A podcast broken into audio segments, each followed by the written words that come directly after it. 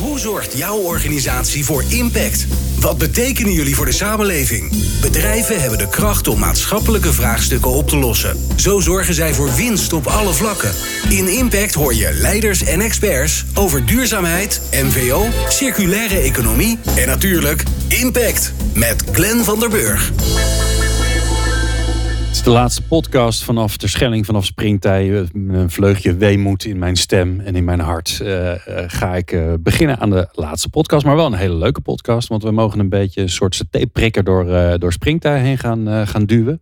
En eigenlijk even kijken, wat is nou de rode draad? En als ik nou ehm, mag samenvatten, dan is een van de dingen die mij opgevallen is, is dat iedereen, iedereen wil, gaan, of wil gaan beginnen. Iedereen is begonnen. En we gaan rennen en we gaan onwijs ons best doen. Maar we weten het ook allemaal nog niet. Dus het is uh, ja, niet rennen in de mist, maar wel rennen in, uh, met beperkt zicht. En ehm, de vraag waar ik een beetje mee achterblijf, en ik hoop dat mijn gasten mij daarbij kunnen helpen, is: um, ja, moeten we nou gaan rennen? Of zou het verstandiger zijn om even rustig na te denken en even uh, de juiste technologieën te ontwikkelen, goede strategieën bepalen, nadenken, plannen, structureren. Nou, al die dingen die we altijd gewend zijn als we dingen voor elkaar krijgen. Of hebben we daar geen tijd voor? Nou, daar gaan we achter komen. Want wij hebben in de studio Helga van Leur. Zij is ambassadeur klimaat, duurzaamheid en gedrag. En als je denkt, god, die naam die ken ik toch? Ja, zeker, want ze is voormalig weervrouw van RTL. Dus als iemand weet wat er op ons af, eh, afkomt op het gebied van klimaat, is zij het wel. En Sibren Bos, hij is expert circulaire economie. Hij heeft dus heel veel verstand van grondstoffen. Ja. Weet je, de andere crisis waar we op afsturen uh, sturen met z'n allen van kopper eet. Ja, de stelling is eigenlijk heel eenvoudig. Uh, laten we nou niet uh, al te gek doen. Laten we nou eerst even goed nadenken en plannen, plannen maken en structureren. Want dan kunnen we veel slimmere beslissingen nemen om uiteindelijk meer vaart te maken. Ja of nee, Helga? Uh, oh, ja, ja, en nee. ik dacht, je bent al in de politiek ingegaan. Nee, nee, ja, ja, nee, misschien juist erom. Ja, nee, het, het is een tweesporenbeleid. We hebben niet de tijd om af te wachten. Dus um, maar aan de andere kant, als een blinde uh, beginnen te rennen en overal tegenaan lopen, is het ook niet natuurlijk. Nee. Waarom dus- hebben we die tijd niet? Help ons nog eens even met de laatste inzichten. Nou ja, wat we zien is dat het klimaat gewoon heel snel verandert. En we weten waardoor het komt. Dat is inmiddels echt wel geland. Uh, dat betekent dat we, als we nog iets willen gaan veranderen, dat we rekening moeten houden met de vertragingstijd die in de atmosfeer plaatsvindt. Maar eigenlijk het hele. Oh, daar moet je ons even bij helpen. Dat zal ik je uitleggen. Uh, als je gaat douchen en je wil graag een warme douche, dan zet je de kraan aan. Maar er zijn weinig mensen die er meteen onder springen. Dat komt omdat die douchekraan even de tijd nodig heeft om warm te worden. Nou, die vertragingstijd, die heeft de aarde ook. Dus we zien als wij vandaag acuut zouden stoppen met de uitstoot van alle extra fossiele brandstoffen, dus door mensen gegenereerd, dan duurt het 20 tot 30 jaar voordat de stijging van de temperatuur in de atmosfeer gaat afnemen. En pas na 40, 50 jaar de temperatuur kan gaan dalen. Dus dat oh. betekent dat je eigenlijk in een, een, een proces zit waar je de komende 20 jaar niet iets kan schakelen aan die thermostaat. Dus je moet wel beginnen met adaptatie en je moet beginnen met het, het rondbreien van de circulaire economie en verduurzamen. Maar je moet ook werken aan de mitigatie om te voorkomen dat de volgende generaties, en dan is het echt al over 20, 30 jaar, mijn kinderen, niet met nog grotere problemen komen te zitten. Want het stapelt zich voortdurend op. Oké, dus dat wat we nu verkeerd doen, dat effect, dat hebben we over 30 jaar. En we zitten nu in de effecten van 30 jaar geleden. Ja, dus hoe harder je roept van acht, zal mijn tijd wel duren. jaar geleden was het 1990. Kun je nagaan hoe snel dat gaat? Wat deed je in 1990? Ja. Moet je nog herinneren? Red Hot Chili Peppers moet ik gelijk aan denken. Ik ben geboren in 1990. Ik ben een beetje een soort halverwege tot 2050 dit jaar. Nou, hij heeft dus nooit meer uh, coole jaren meegemaakt.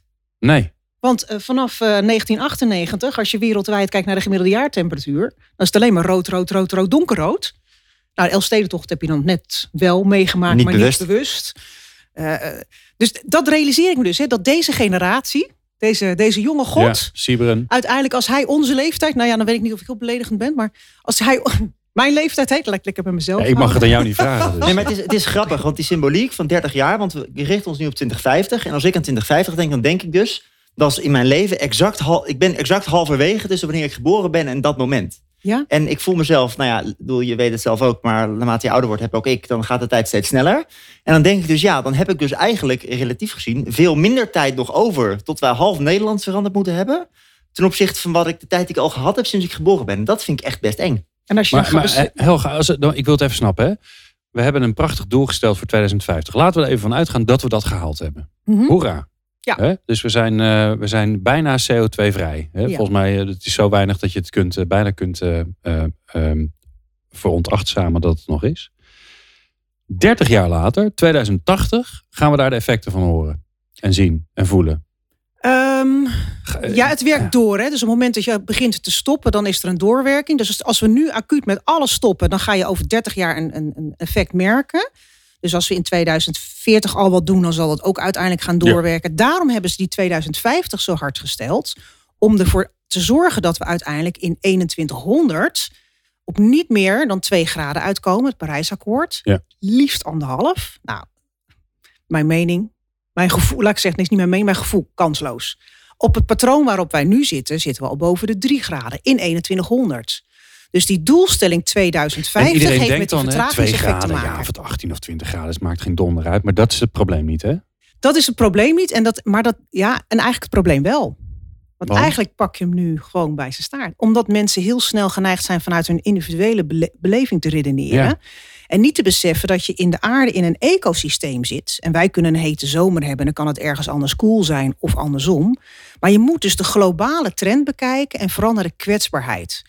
Als je het hebt over 2 graden gemiddeld warmer wereldwijd. Dan zit je in de polen al op 6, 7 graden. Want het is natuurlijk niet netjes verdeeld. Niet, niet, Het is niet niet zo dat we overal verdeeld. 2 graden krijgen. Nee, en en wereldwijd zijn we nu 1 graad opgewarmd. En tot nu toe, ik moet even wetenschappelijk netjes houden, is Nederland al 2 graden. Wat dus geen garantie is. Als de wereld 2 graden gaat, dat Nederland 4 graden is. Maar waarschijnlijk komen we wel een heel eind in de buurt. Gemiddeld 4 graden wil zeggen dat je vooral die uitschieters in de zomer alleen maar hoger gaat krijgen. Maar dat heeft ook weer te maken met een drogere grond. Dus het is een heel ecosysteem wat je gewoon overhoop gaat halen. En dat is voor mij de belangrijkste urgentie. We zijn iets uit balans aan het brengen waarvan je eigenlijk, je zegt heel mooi, in de mist waren en eigenlijk weet je niet helemaal waar het heen gaat. Maar als je nu niks doet, weet je zeker dat je door die mist heen ergens tegen een berg oploopt. Dus, dus we moeten in actie komen, niet als een kip zonder kop. Sieberen. Wachten, nadenken, slim, slim zijn, handige dingen ontwikkelen en dan als een malle allemaal gaan. Of nee, vandaag, vandaag, vandaag. Ik zou wel aan willen sluiten bij de woorden van Helga. En dat Och, is weer een natuurlijk wel politicus. heel makkelijk. Ehm, maar we hebben heel lang nagedacht. Ik weet nog dat we met de klimaatdialogen begonnen in 2017 of 18. En dat we toen zeiden, ja, we gaan even op de pauzeknop drukken. We gaan eerst even een jaar lang met elkaar goed nadenken. En we, we moeten blijven nadenken, ja, absoluut. Maar we moeten ook wel nu in actie komen. Want als we kijken naar hoe snel sommige veranderingen gaan... eh, en hoe ontzettend urgent de opgave is... maar ook hoeveel winst we kunnen boeken met elkaar als we snel actie ondernemen. Want als wij nu heel veel doen, hoeven wij op lange termijn minder te doen. Omdat we nu de emissies al zo sterk gereduceerd hebben, dat wij op lange termijn veel meer tijd hebben voor die laatste stappen die ook veel complexer zijn. Ja. Dus ik ben heel erg voor eh, op korte termijn veel actie ondernemen. En niet alleen binnen Nederland uiteraard, maar ook daarbuiten. Eh, om te zorgen dat we voor de dingen die echt ingewikkeld zijn, eh, dat we ook wat langer de tijd hebben. Omdat dat totale budget dat wij nog uit mogen stoten. Want we kijken altijd naar die 49% in 2030 en die 95% in 2050. Maar er zit natuurlijk een curve, er zit een oppervlakte onder als je daar een grafiek van tekent. En we moeten de totale uitstoot onder die grafiek, daar moeten we onder blijven. Ja. Dus als we nu heel hoog blijven en we gaan vlak voor 2030 opeens heel hard omlaag, als dat al zou kunnen, Dan hebben we het opgeteld nog verkeerd gedaan. dan hebben we het op exact. Ja. Maar jij zegt het heel sterk, want we, trekken een lineaire lijn naar 2050 en dat wordt dan ons tussentijds stappenplan. Maar het werkt niet lineair. In het begin heb je meer aanloopproblemen, dan krijg je een versnelling en dat laatste stukje is het lastigst. Dat vind ik wel een goed punt. Ja. Wordt daarover nagedacht? Op die manier? Dan moet je de politiek vragen. Dat moet ik, ik zal Ja, soms Want niks gaat lineair. in zoverre bep- beperkt. Eh, omdat het, het, is, het is oprecht ook ingewikkeld. Dus het is ook, niet, het is ook niet makkelijk zo. Maar het besef, gewoon het normale besef. We kunnen nu gewoon flinke stappen zetten. Laten we het alsjeblieft doen. Dat zou ik gezond verstand noemen. En niet rennen met de als kip zonder kop. Ja. Laten we dat gezonde verstand alsjeblieft met elkaar hebben. En er dan dus niet over praten eh, voor de korte termijn. Maar gewoon wel doen wat er kan. En je moet ook niet zo bang zijn om daarin af en toe een fout te maken. Want als je gewoon nu al begint en je begint met opschalen, je gaat een beetje uitproberen, dan heb je ook een klein beetje de tijd om bij te sturen met voortschrijdend inzicht. En daaruit kan je gaan excelleren. Als je dadelijk over twintig jaar in één keer iets heel groots moet aanpakken en het mislukt, dan heb je een veel groter probleem. Ja. En van die fouten leer je ook weer. Dus als je nu begint in die mist te varen en je focus blijft ook nog een klein beetje op de korte termijn, kan ik later bijschakelen. Dan, dan heb je toch stiekem dat twee sporen beleid. We blijven wel nadenken. En er zullen uiteindelijk daardoor ook weer nieuwe technologieën komen, waardoor we ook weer kunnen versnellen. Maar we moeten wel beginnen. Ja, we hadden met elkaar afgesproken. hè, Helga is hoofd klimaat, jij bent hoofd eh, grondstoffen. Want daar, daar hebben we even de, de, de kennis eh, verdeeld. Je hebt natuurlijk een verstand van allebei, maar dat maakt niet zoveel uit. Als we naar die grondstoffen kijken, Sibre, naar het feit dat we ook nog eens een keer naar een circulaire economie willen. Dat betekent nogal wat. Welke uitdaging ligt er op dat grondstoffengebied? Nou, er zijn er eigenlijk twee. Allereerst kijken we binnen het klimaatdossier heel vaak naar eh, energie en mobiliteit. Dat zijn de twee grote blokken. Ehm, tegelijkertijd is ongeveer 45%, dus bijna de helft van ons energieverbruik wereldwijd, gaat op aan de productie van alle spullen die wij gebruiken. Iedere dag. Dus als we kijken naar effectief klimaatbeleid, dan gaat het wat mij betreft ook om dat we kijken naar hoe kunnen we die emissies van de spullen die wij gebruiken reduceren door gewoon minder spullen te gebruiken, kwalitatief betere spullen te gebruiken.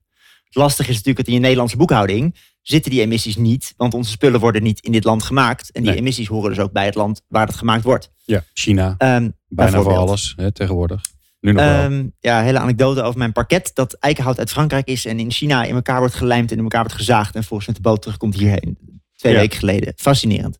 Ja, als je dat Dus dat is- bedenkt, hè, ja. want zo zit onze economie in elkaar. Ik vind dat altijd, ik weet niet of het nog steeds zo is, maar ik vond dat voorbeeld altijd van ons oud papier zo mooi. Het verzamelen, verzamelen we hierin. Gaat dan met de boot naar China, wordt daar verwerkt, komt weer terug als pulp. En dan gaat het hier weer in een papierfabriek en bij ons weer de printer in.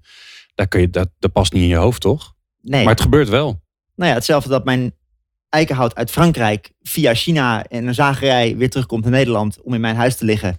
Vind ik ook echt waanzin. Ja. Maar ik dat vind het wel dus intrigerend. Waarom gebeurt dat dus dan? Heeft dat Ja. te maken met economische modellen? Omdat anders die schepen heen leeg gaan en je daardoor bijna Ja. geld toekrijgt om het op die manier te doen. Arbeid daar goedkoop is. Ik denk dat je daar ook grip achter moet krijgen. Oh nee, ik moest me alleen maar over klimaat bemoeien. En je stelde vragen, dat mag altijd. Oké, ja. maar ja, ik ben dus heel benieuwd wat, wat dan de, de motivatie daarachter is. En natuurlijk in de volgende stap, hoe kun je dat dan doorbreken? Ik vind hem ook heel interessant. En specifiek voor dit pakket, nou, ik ben er nu in aan het duiken omdat ik het nu in mijn huis heb liggen en ik het wil weten. Maar ik weet het dus ook niet, puur omdat het daar ook machinaal werk is. Dus arbeidskosten is daar niet een issue van. Dus ik, Oh. ik weet het oprecht niet in dit geval. Dat is bizar. Het is heel bijzonder. Dat is heel bizar. Nou, Maar goed, eh, luister vooral naar onze volgende podcast met Sibren, waarin we helemaal tot op de punt en de komma gaan uitzoeken waar zijn pakket vandaan komt en hoe het economisch model in elkaar zit. Maar dat in een volgende aflevering. Oké, dus eh, eh, twee. Één is dus, er gaat heel veel energie, eh, CO2, naar de productie van de dingen die we hebben. Ja. Er was er nog één. Ja, het tweede punt is dat als we gaan kijken naar duurzame energietechnologieën, dan hebben we daar ook gewoon heel veel grondstoffen voor nodig. Eh, er is een Italiaanse wetenschapper, Ugo Bardi, die was ook hier op Springtime een jaar of drie, vier geleden. En die heeft wel eens berekend dat wij ongeveer de helft van het CO2-budget wat wij als wereld nog hebben, nodig hebben voor de productie van die duurzame energietechnologieën die we willen hebben. Dat is puur de energetische kant. Maar als je ook kijkt naar de grondstoffenkant, dan hebben we gewoon heel veel grondstoffen en vooral ook heel veel kritieke me- aardmetalen nodig om die zonnepanelen, windmolens, elektrische auto's, batterijen, opslagcapaciteit, om die te maken. En wat de grote uitdaging is die wij zien, en daar hebben we ook twee keer een onderzoek naar gedaan, wat we ook hier op Springtime hebben gepubliceerd, twee jaar geleden, vorig jaar, is dat de, het aanbod van die grondstoffen vanuit de wereldwijde mijnbouwproductie en de vraag naar die grondstoffen wereldwijd vanuit wat wij nodig hebben aan technologieën om klimaatakkoord van prijs waar te maken, dat er een enorm gat tussen zit. En dat we eigenlijk veel meer. Maar noem eens een voorbeeld. Waar hebben we dan eh, eh, tekort aan in die zin dat er gewoon niet genoeg ge- gemaakt, eh, ged- gedolven wordt? Nou, kijk even naar zeldzame aardmetalen. Eh, neodymium is er daar één van. Dat Ja. is een belangrijke grondstof voor permanente magneten. Weet jij wat dat is, Helga? Neodymium dinges? Ja, en een bijzonder metaal wat gebruikt wordt in dynamo's en zo. Oh, kijk. Wat goed. Wat luister je goed. Wacht, wat voor bias is dit nou weer? Nee, helemaal niet. Nee, maar ik dacht, ik check even bij jou. Of het Nee, maar dat al- springt hij ook. En dat je dan bedenkt van als is. iemand iets zegt, waarom zegt iemand dan iets zo? En hoe? Nou ja, sorry. God, maar dat is zo'n aflevering. Ja, ja. Neo, Ja, het is de laatste. Je kunt neodymium. hem Ik had er nog nooit van gehoord. Helga gelukkig wel. Ja, Nee, maar neodymium. Wat interessant is, eh neodymium is een voorbeeld wat dus in die magneten zit. En je hebt die magneten nodig om bijvoorbeeld je windmolen, maar ook jouw elektromotor van je elektrische auto straks efficiënt te laten draaien. Kan je ook zonder, jazeker, maar daar wordt je apparaat er minder efficiënt van. Dan heb je meer energieverlies, omdat je een tandwiel erin hebt zitten waar, mechanische, eh, waar warmte ontstaat en mechanisch energieverlies ontstaat. Dus dat is één, dat is een bekende. Eh, een andere is lithium bijvoorbeeld, wat in heel veel accu's moet. Eh, kobalt, wat erbij komt in die accu's. Nou ja, kobalt ken- komt voor de helft ongeveer uit Congo. Met allerlei mijnen, met allerlei sociale issues die je niet wil. Dus als gevolg van die energietransitie en als gevolg van de stap naar die duurzame energietechnologieën, komen er allerlei afhankelijkheden en nieuwe effecten in de keten bij, die wellicht niet wenselijk zijn, maar het alternatief, namelijk doorgaan met de huidige fossiele economie, is ook niet wenselijk. Dus het is wel een soort kiezen tussen twee kwaden. En als we dan besloten hebben uit principe, we gaan over op die duurzame technologieën, moeten we dus ook nadenken, hoe kunnen we in de productie daarvan enerzijds de opschaling zo snel doen, dat we die duurzame technologieën zo kunnen produceren dat we snel genoeg gaan. Maar twee, ook doen met zoveel aandacht voor milieu en mensenrechten, dat we niet uh, of de natuur kapot maken, of de mensen zo erg uitputten en uh, de beschaving daar vernietigen, um, dat we daar ook allerlei ongewenste effecten krijgen. En dat is niet een makkelijke keuze. En zeker niet omdat de termijn zo kort is waarop we moeten handelen. Ja, en ik denk dan meteen zorgen dat je dus weer kan terugwinnen op het moment dat je het niet meer op deze manier gebruikt. Want dat betekent dat je ook niet meer voortdurend hoeft te blijven graven. Plus dat er nieuwe technologieën komen waarbij het waarschijnlijk ook wel weer met wat minder kan of net wat anders kan. Maar je moet die kringlopen gaan sluiten. Ja, maar ja, dat, wil ik wel, want ik, ik wil hier niet van het eiland weg. Ik, ik, was, ik was heerlijk positief. Ik dacht, het gaat goed komen en we gaan allemaal mooie dingen doen. En er is veel energie en we zijn in de do-modus hartstikke goed. En dan komt Siberen en die zegt, ja, het komt helemaal niet goed. Want uh, we hebben gewoon een, een dus jij komt even met een nieuw probleem aanzetten. Dus dan moet je het ook voor me oplossen. Anders dan word ik ongelukkig. Ja, nou, dat, ik ga mijn best doen. Uh, er zijn een aantal oplossingsrichtingen. Eén is absoluut dat we toe gaan werken naar hoogwaardig hergebruik. Uh, en als dat niet kan, naar recycling van die materialen. De enige grote maar die erin zit, is dat we dus nog voorlopig heel veel op moeten bouwen aan voorraad. Dus ja, we moeten absoluut die recycling gaan doen. En dat nu technologisch gaan voorbereiden. Dat kan de markt nu nog niet aan. Dus daar moet je als publieke sector in investeren om dat voor te bereiden. Dat die technologie er komt, dat innovatie er komt. Maar gebeuren die dingen al? Hè? Ik denk even aan de eerste elektrische auto's die ondertussen al af zijn. Hè? Volgens mij doen ze iets met de oude batterijen van de BMW i3's. wat gebeurt daar al? Er zijn op dit moment een aantal initiatieven om batterijen her te gebruiken in bijvoorbeeld de gebouwde omgeving. Omdat batterijen gaan achteruit in kwaliteit, uh, maar hebben nog best wel een energiecapaciteit die ze wel op kunnen slaan. Arena, hè? de Arena heeft de oude batterijen van Nissan als opslag. Kijk. Uh, dus dat is een voorbeeld. Uh, er wordt ook echt wel gerecycled, maar de hoogwaar het is nog niet heel hoogwaardig. Dus daar is nog, zijn heel veel stappen te zetten. Daar moeten we ook stappen op zetten, daar kunnen we ook stappen op zetten. Maar het vraagt wel nu investeringen uh, om die technologie te gaan ontwikkelen met elkaar. Ja. En ook om te zorgen dat we die hier in West-Europa hebben. Om te voorkomen dat dat weer terug gaat naar China of een ander land. Waarmee wij eigenlijk weer die geopolitieke afhankelijkheid die we gewoon hebben we zijn nu olieafhankelijk geopolitiek van het Midden-Oosten. We worden grondstofafhankelijk van uh, Azië. Dat gaat gewoon gebeuren, dat is aan het gebeuren. Maar dat we zorgen dat we dat binnen de Europese grenzen doen. Dat vraagt investeren en dat vraagt lef. Ja, oké. Hoogwaardig hergebruik is één. Ander ontwerp is twee. Uh, dus om te zorgen dat we producten en zonnepanelen zo ontwerpen dat we ze ook weer uit elkaar kunnen halen. Heel veel elementen in zonnepanelen zitten op dit moment met elkaar versmolten, waardoor je eigenlijk niks kan doen dan het eindproduct verbranden aan het eind van de levensduur, waarbij je heel veel grondstoffen kwijtraakt. Um, dus daar, zijn, daar is een Nederlandse partij, Exasun, die is daar ook hard mee bezig. Om te kijken, kunnen we die zonnepanelen zo ontwerpen dat dingen ook weer losmaakbaar worden. Over twee weken krijg ik mijn Exasun panelen op mijn dak. Dus ik ben oh, heel benieuwd. Ja, oh, leuk. Um, dus, dus dat is ook een stap die we kunnen zetten. Uh, en het derde, en dat is waar we nu mee bezig zijn, is om ook te zoeken, kunnen wij in het inrichten van ons toekomstige energiesysteem, waarbij we echt gaan kiezen welke technologie pakken we waar, uh, hoe gaan we opslagcapaciteit vormgeven, uh, dat soort zaken kunnen we daar die grondstoffendimensie en die afhankelijkheid die erbij hoort meenemen als één van de overwegingen in die keuze. Betaalbaarheid is er één, draagvlak is er één, ruimtelijke inbedding is er één. Maar kunnen we die grondstoffen, dat aspect meenemen als één van de overwegingen in de keuze die we maken? Ja, maar dat klinkt een beetje als iets wat we een beetje links laten liggen. Zo van, oh, dat lossen we nog wel een keer op. Zeker. Omdat, omdat we, roepen heel hard circulaire economie, maar ik merk ondertussen, maar ik weet niet hoe jij dat ziet, want jij bent er elke dag mee bezig. Het begint een beetje af te kalven. Hè? Mensen roepen al circulaire economie als, uh, als er gerecycled wordt, maar dat is het natuurlijk niet. Zeker. Ja, eens. We zien dat het woord heel veel wordt gebruikt en het is ook het nieuwe, nou ja, het is het nieuwe duurzaamheid aan het worden als nieuw containerbegrip. En dat gaat me echt aan het hart. Dat doet me heel veel pijn. En ik doe daar iedere dag probeer ik heel erg mijn best te doen om dat te voorkomen. Maar dat is wel wat ik zie gebeuren, helaas. Ja. Wie moet er in beweging komen, jongens? Wie moet er zorgen dat, dat, dat zeg maar de, niet alleen de snelheid, maar dat ook de, nou ja, de andere factoren, de nieuwe kennis die er eigenlijk ontstaat over hoe, hoe snel we moeten en waar we een beetje moeten vertragen misschien, dat dat gaat gebeuren. Wie, wie is er aan zet? Nou, hoeveel tijd heb je nog? anderhalve minuut lang. Ieder, iedereen samen, maar, maar wie als eerste? Uiteindelijk, ja, uiteindelijk met elkaar. Maar het, het is een, eh, een, een soort vliegwiel. Eh, je infecteert elkaar ook. Ik denk dat mensen zelf, consumenten, bewust keuzes kunnen maken. En daarmee, uh, ja, je kassabon is je stembiljet. En daarmee dus iets in beweging brengen, waardoor fabrikanten denken: oh wacht even, maar dat wordt blijkbaar interessant. Overheid moet tegelijkertijd kaders zetten en zeggen: luister, dit is de wetgeving, dit is de klimaatwet, dit is Parijs. Hier gaan we naartoe met Europa, zonder Europa, maar we gaan. Uh, door dat in te kaderen en ook aan die fabrikantenkant te gaan trekken, dat ze niet alleen op de consument wachten, maar ook gewoon weten. Het is ook belachelijk dat wij plastic moeten opruimen. is toch idioot? Nee, je moet aanzorgen dat dat plastic dus gewoon al niet geproduceerd wordt waar het niet nodig is. En waar het wel nodig is, dat het één soort plastic is die ze Mm. op één manier kunnen verwerken. Dat sluit aan wat, wat jij dan ook weer doet. Omdat we gewoon één groot ecosysteem zijn. En we zijn gewoon ons eigen bed aan het bevuilen. Maar als je het hebt over hoe kom je in beweging, dan komt het bij mensen vaak alleen maar snel binnen als het dichtbij is. Als het klein en tastbaar is. En wat ik net zei, je mag fouten maken. Dus mijn motto is, joh, begin gewoon. Begin gewoon, als je nog helemaal niks gedaan hebt, begin dan gewoon klein met in de winkel iets anders te kiezen. Kies gewoon echt groene energie. Kijk er elk jaar naar. Dan bespaart het je ook nog eens een keer geld. Ga eens met je buren praten, de sociale kant. En dan komt het vanzelf in beweging. Niet snel genoeg misschien, maar dan hebben we nog een paar jaar om er naartoe te glijden. Ja. Wie moet er bewegen? Want de, de grondstofvraag is natuurlijk wel groot. Hè? We, we- we investeren nu als een dolle allemaal in allerlei duurzame technologieën. Die eigenlijk misschien niet op de duurzaam, meest duurzame manier geproduceerd zijn.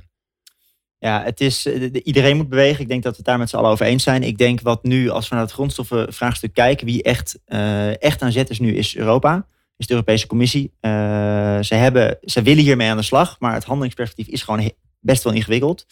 Maar als Europa, ik ben ervan overtuigd, als Europa durft om als Europa op te treden op de wereldmarkt als wereldspeler, kunnen zij echt invloed hebben. Want zeker nu de dus van- moeten ze gewoon een, een, een circulair keur komen. Hartstikke leuk. Dit is een zonnepaneel, die is circulair gemaakt. Die kan je zo uit elkaar, uit elkaar halen en hergebruiken. Deze niet. Concreet, ja, dat is, keurmerken is er één. Eh, dus zorgen dat je standaarden gaat creëren waarmee we zorgen dat we de toekomstige hergebruik kunnen borgen. Maar een tweede is ook gewoon heel simpel de economische handelsmacht. Europa is gewoon een hele grote handelspartner. En als wij als blok bij elkaar durven te blijven en inzien dat wij alleen met elkaar serieuze stappen kunnen zetten, hebben wij wel degelijk invloed op hoe die ketens wereldwijd georganiseerd zijn. Kunnen wij wel degelijk ketens financieren die buiten China omgaan? Eh, en kunnen wij wel degelijk zorgen dat we eh, andere landen meekrijgen in die duurzame ambitie door te laten zien wat er kan hoe we dat op een verantwoordelijke manier kunnen doen. Niet alleen voor de aarde en voor het klimaat, maar ook voor de mensen en de natuur. eh, die ergens in die keten zitten waar die grondstoffen ook gewonnen worden. Mooi. En hoe ga je dan ervoor zorgen dat mensen denken, ja, dat is leuk, zo'n circulaire zonnepaneel. Maar eh, via ze AliExpress is het eh, Ja. de helft van de prijs. Dat is een interessante. Die panelen die ik op mijn dak krijg, die zijn inderdaad eh, qua investeringskosten 20% duurder ongeveer dan de panelen die je eh, normaal bij een dealer zou kunnen krijgen. Echter, ehm normaal paneel is een eh, glas op foliepaneel. En dat folie bladdert op een gegeven moment een beetje af als er hagel en regen tegenaan komt. Dus na een jaar of 15 gaat de efficiëntie van die panelen flink achteruit. Die Exersun panelen zijn glas op glas. Dat betekent dat die onderkant van die panelen niet beschadigt. En dat het paneel van mij dus voor 30 jaar eh, bijna op zijn volledige efficiëntie blijft Vind ik draaien. een mooi verhaal, maar dan ga ik even de advocaat van de duivel spelen. Want dat snappen jij en ik en, en veel luisteraars ook. Maar een gemiddelde burger die een besluit moet nemen in zonnepanelen, gaat voor de prijs. Dus je moet op een of andere manier een hefboom gaan creëren. Dat, je mag het in China bestellen, prima. Maar daar zit dan een toeslag op, eh, waardoor je waarschijnlijk dezelfde prijs betaalt. En met die toeslag gaan we dan andere dingen investeren. Is natuurlijk best wel een hoge uitdaging, denk ik. En ik denk dat daar Europa echt wel wat in kan doen. Want het voordeel, Europa is heel afstandelijk en dat zien we als nadeel. Maar het voordeel is dus als Europa wat besluit, dan denkt iedereen ja, het zal wel. Eh, dus ik vind dat Europa hier echt wel daadkracht in kan tonen. En dat we ook na moeten denken over slimme financieringsconstructies. Er zijn er zoveel investeerders die op zoek zijn naar investeringen op de lange termijn. Dan kan het toch niet zo zijn dat iets over de hele levensduur goedkoper is, maar dat we niet in staat zijn om een serieus verdienmodel te creëren wat voor een consument financieel aantrekkelijk is nu. Nou, Daar- heer, heer. Ja. Dat, oh, dat snap ik ook Ben je nou iets optimistischer geworden of niet? Nee, ik ben altijd wel heel Nou ja, je vertelde net. Ik, eh, voel Ja, maar het is allemaal hangen. show, joh. Dat snap je toch. Nee, eh, de, nee Dan maar zeg dit, je nu voor de show dat het weer beter met je gaat. Geef hem een nat washandje, die gast. nee, maar dit is wel een hele mooie. Want, want dit is natuurlijk wat er, wat er gebeurt. Er zijn al heel veel dingen waarbij de keuze, de, de rationele keuze, de meest slimme keuze, heel logisch is om een duurzame keuze te maken. Alleen omdat we het niet slim georganiseerd hebben, gebeurt Exact. het niet. Dus ik wacht ook op de slimme financieringsconstructies die op basis van investeerders die echt op de lange termijn willen investeren. En dat ze niet de beursgenoteerde flitsfondsen, maar wel allerlei investeerders die ook publiek geld eh, weg moeten zetten. Pensioenfondsen bijvoorbeeld. Eh, om echt te zorgen dat wij fondsen gaan maken waarmee we op lange termijn dat rendement kunnen creëren. En dat op korte termijn financieel aantrekkelijk is voor een normale gemiddelde consument die op zoek is Ja. naar op dit moment de financieel beste keuze. Dat is zo interessant van springtij. Want hier lopen dus mensen rond die wel degelijk eh, die versnelling kunnen maken. En dat merk je. Gisteren zat ik met iemand die precies dus zo'n verhaal vertelde van die grote investeerders en die banken. Frank Eldersen was hier met een mooi verhaal. Die zei, die, die willen en die moeten uiteindelijk, want de klimaatcrisis is gewoon echt een financiële bedreiging. Alleen die grote fondsen, die willen alleen maar grote projecten financieren. En al die duurzame projecten zijn allemaal van die kleine dingen. Dat, daar kunnen ze niks mee. Dus dat opschalen en het beseffen dat dat dus als het een grootschalig iets is, dat het geld tegen de klinten opklotst, het is er gewoon.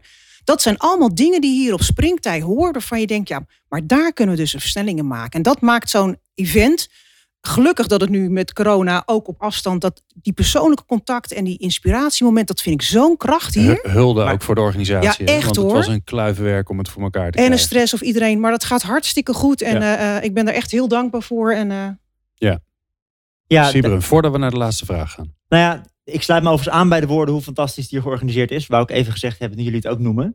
Ehm, maar doorgaan op het punt wat je noemt over dat geld klotst tegen de plinten. Want dit is natuurlijk heel bijzonder dat we in allerlei intellectuele settings, waar iedereen met zijn zakelijke hoofd bij is, roepen er is geld genoeg. Terwijl iedereen privé, dat, dat, ik bedoel, ik heb privé niet het gevoel dat mijn geld tegen de plinten klotst. En ik denk dat er weinig mensen zijn die dat kunnen zeggen. Terwijl dat in een zakelijke context een uitspraak is die ook drie, vier jaar geleden hier al gedaan werd. Dus ik vind het heel bijzonder hoe die twee werelden volkomen langs elkaar heen lijken te bewegen. En we dus niet in staat zijn om dat geld wat blijkbaar in die instituties en systemen tegen de plinten klotst, op een effectieve manier in te zetten voor onze En klimaatdoelstellingen. dat is de systeemverschuiving waar we nu naartoe moeten. Want als je beseft waar dus die problemen liggen en waarom het niet met elkaar communiceert, dan kun je gaan zoeken Ja. naar die eh, inschakelmomenten. Ja, dat is natuurlijk een van de redenen waarom het uh, Wiebes Wopke Fonds ge- ge- gedaan is. Hè? Omdat we zo goedkoop geld kunnen lenen. Sterker nog, misschien krijgen we er nog een beetje bij, zelfs voor niks. Ideale manier om te investeren. Ja, We gaan naar de ja. laatste vraag. De laatste vraag heb ik eh, tot nu toe aan iedereen gesteld. Dus die komt ook eh, voor jullie. Eh, Ik neem jullie mee naar volgend jaar. Twee- Het is 2021. Eh, we staan weer op eh, springtij. De aarde is weer een klein beetje meer opgewarmd. Want het gaat natuurlijk een beetje met horten en stoten. Helga komt daarover vertellen. Maar we kijken ook terug op het komende jaar. En de vraag is, wat is het spraakmakende wat jullie voor elkaar hebben gekregen? Dames eerst. Nou, dat vind ik nou, nou weer jammer. Ja? Heel Oké, typerend. heren eerst. Je hebt helemaal gelijk. Sieben. Ik heb er wel één. Eh, vanuit het grondstofvraagstuk, wat ik net, ik noemde net, er zijn verschillende aspecten op basis waarvan we de keuze maken. Wat wordt ons energiesysteem van de toekomst? Draagvlak, betaalbaarheid, ruimtelijke inbedding zijn aspecten die nu in zo'n keuze zitten. Wat ik heel graag zou willen zien, eh, en ik hoop dat volgend jaar gelukt is, is dat, dat er een regionale organisatie is die ook daadwerkelijk die grondstofafhankelijkheid heeft meegenomen in zijn keuze voor Nee, maar dit is jouw hoop. Ik wil, ik wil weten wat jij hebt gedaan. Wat is het spraakmakende wat jij voor elkaar hebt gekregen? En als dit het is, Nou, dan eh, is ik- het prima. ik- maar dan moet je het gaan regelen. ik wil dit heel graag voor elkaar krijgen. En ik ben bezig met te regelen. En ik eh, hoop van harte dat ik het volgend jaar met trots kan vertellen dat het Nee, gelukt is. we, we kijken terug. Dus het is gelukt. Gefeliciteerd. Is Wij gaan zo voor je klappen. Geweldig. Ja. Nou ja, aangezien dit een best wel koud springtij was, denk ik dat mensen volgend jaar heel blij zijn met een klein beetje opwarming van het klimaat.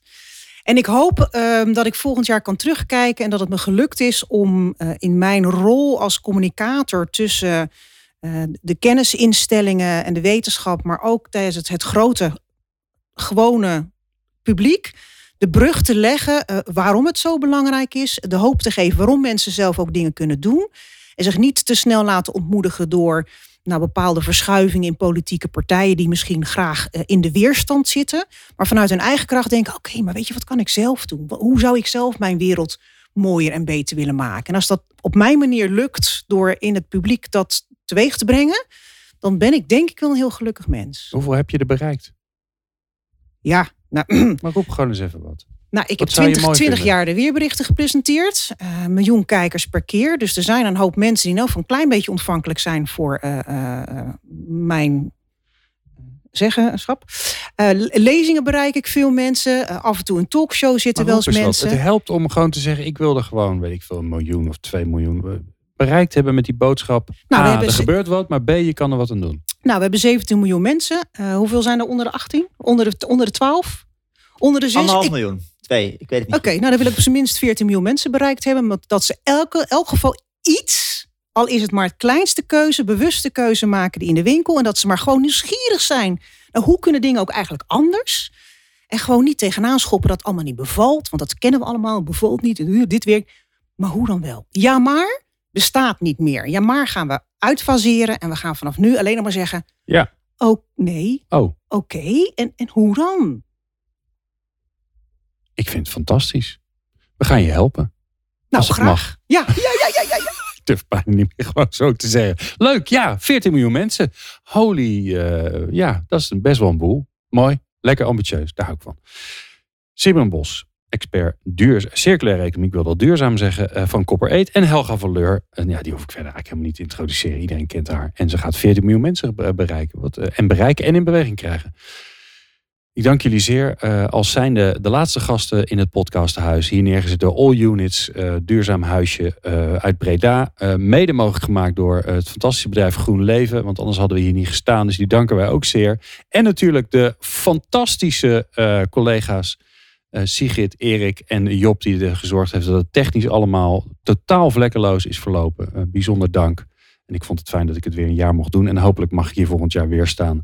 En jij natuurlijk onwijs bedankt uh, voor het luisteren. Uh, is dit je eerste aflevering? Denk je, oh, was dit de laatste al? En dan kun je alles terugluisteren op impact.radio. En nog veel meer. Dankjewel. Meer afleveringen van Impact vind je op impact.radio.